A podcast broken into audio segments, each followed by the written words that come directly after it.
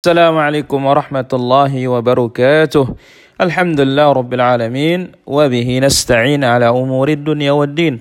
والصلاة والسلام على أشرف الأنبياء والمرسلين نبينا محمد وعلى آله وصحبه أجمعين. أما بعد أيها المسلمون والمسلمات رحمني ورحمكم الله. Kembali kita lanjutkan bahasan kita dari kitab Syarhus Sunnah oleh Al-Imam Al-Muzani rahimahullahu taala.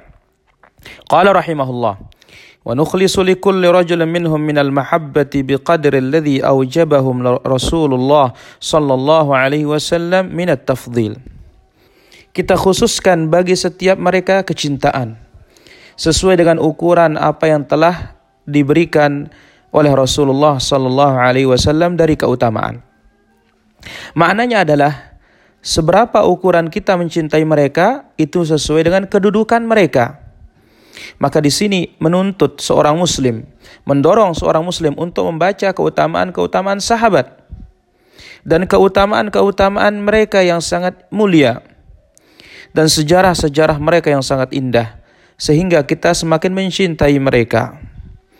Maka apabila kecintaan bertambah kepada mereka, maka kita pun semakin mengikuti dan mencontoh mereka.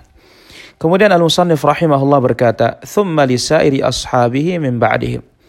Kemudian kita murnikan dan kita khususkan kecintaan kita kepada seluruh sahabat Rasulullah sallallahu alaihi wasallam setelah sahabat yang sepuluh yang dijamin masuk surga.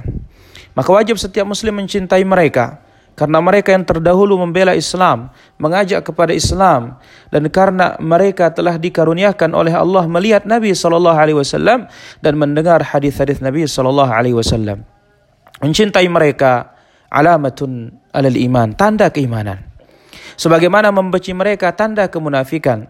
Sebagaimana sabda Rasulullah sallallahu alaihi wasallam dalam hadis yang diriwayatkan oleh Imam Al-Bukhari dalam sahihnya, ayatul iman hubbul ansar wa ayatun nifaq bughdul ansar.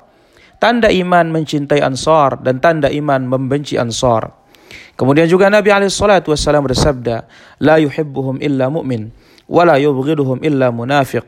Faman ahabbahum ahabbahu Allah wa man abghadahum abghadahu Allah. Tidak ada yang mencintai mereka kecuali orang-orang beriman dan tidak ada yang membenci mereka kecuali orang-orang munafik.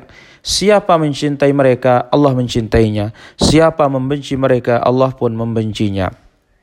Al-Imam At-Tahawi rahimahullah mengatakan, kita mencintai sahabat-sahabat Rasul sallallahu alaihi wasallam dan tidak boleh kita berlebih-lebihan mencintai salah satu di antara mereka. Dan tidak boleh pula kita berlepas diri dan membenci mereka. Tidak boleh. Dan tidak boleh menyebut mereka dengan sebutan-sebutan buruk dan yang wajib kita lakukan hanya menyebut mereka dengan sebutan yang baik. Mencintai mereka adalah agama dan keimanan dan ihsan. Membenci mereka adalah kekafiran, kemunafikan dan melampaui batas. Ya Allah, karuniailah kami untuk mencintai Rasulmu, sahabat-sahabat Rasulmu, dan kumpulkanlah kami bersama mereka kelak di dalam jannahmu, bersama nabiyyin, was-siddiqin, وحسن أولئك رفيقا والحمد لله رب العالمين.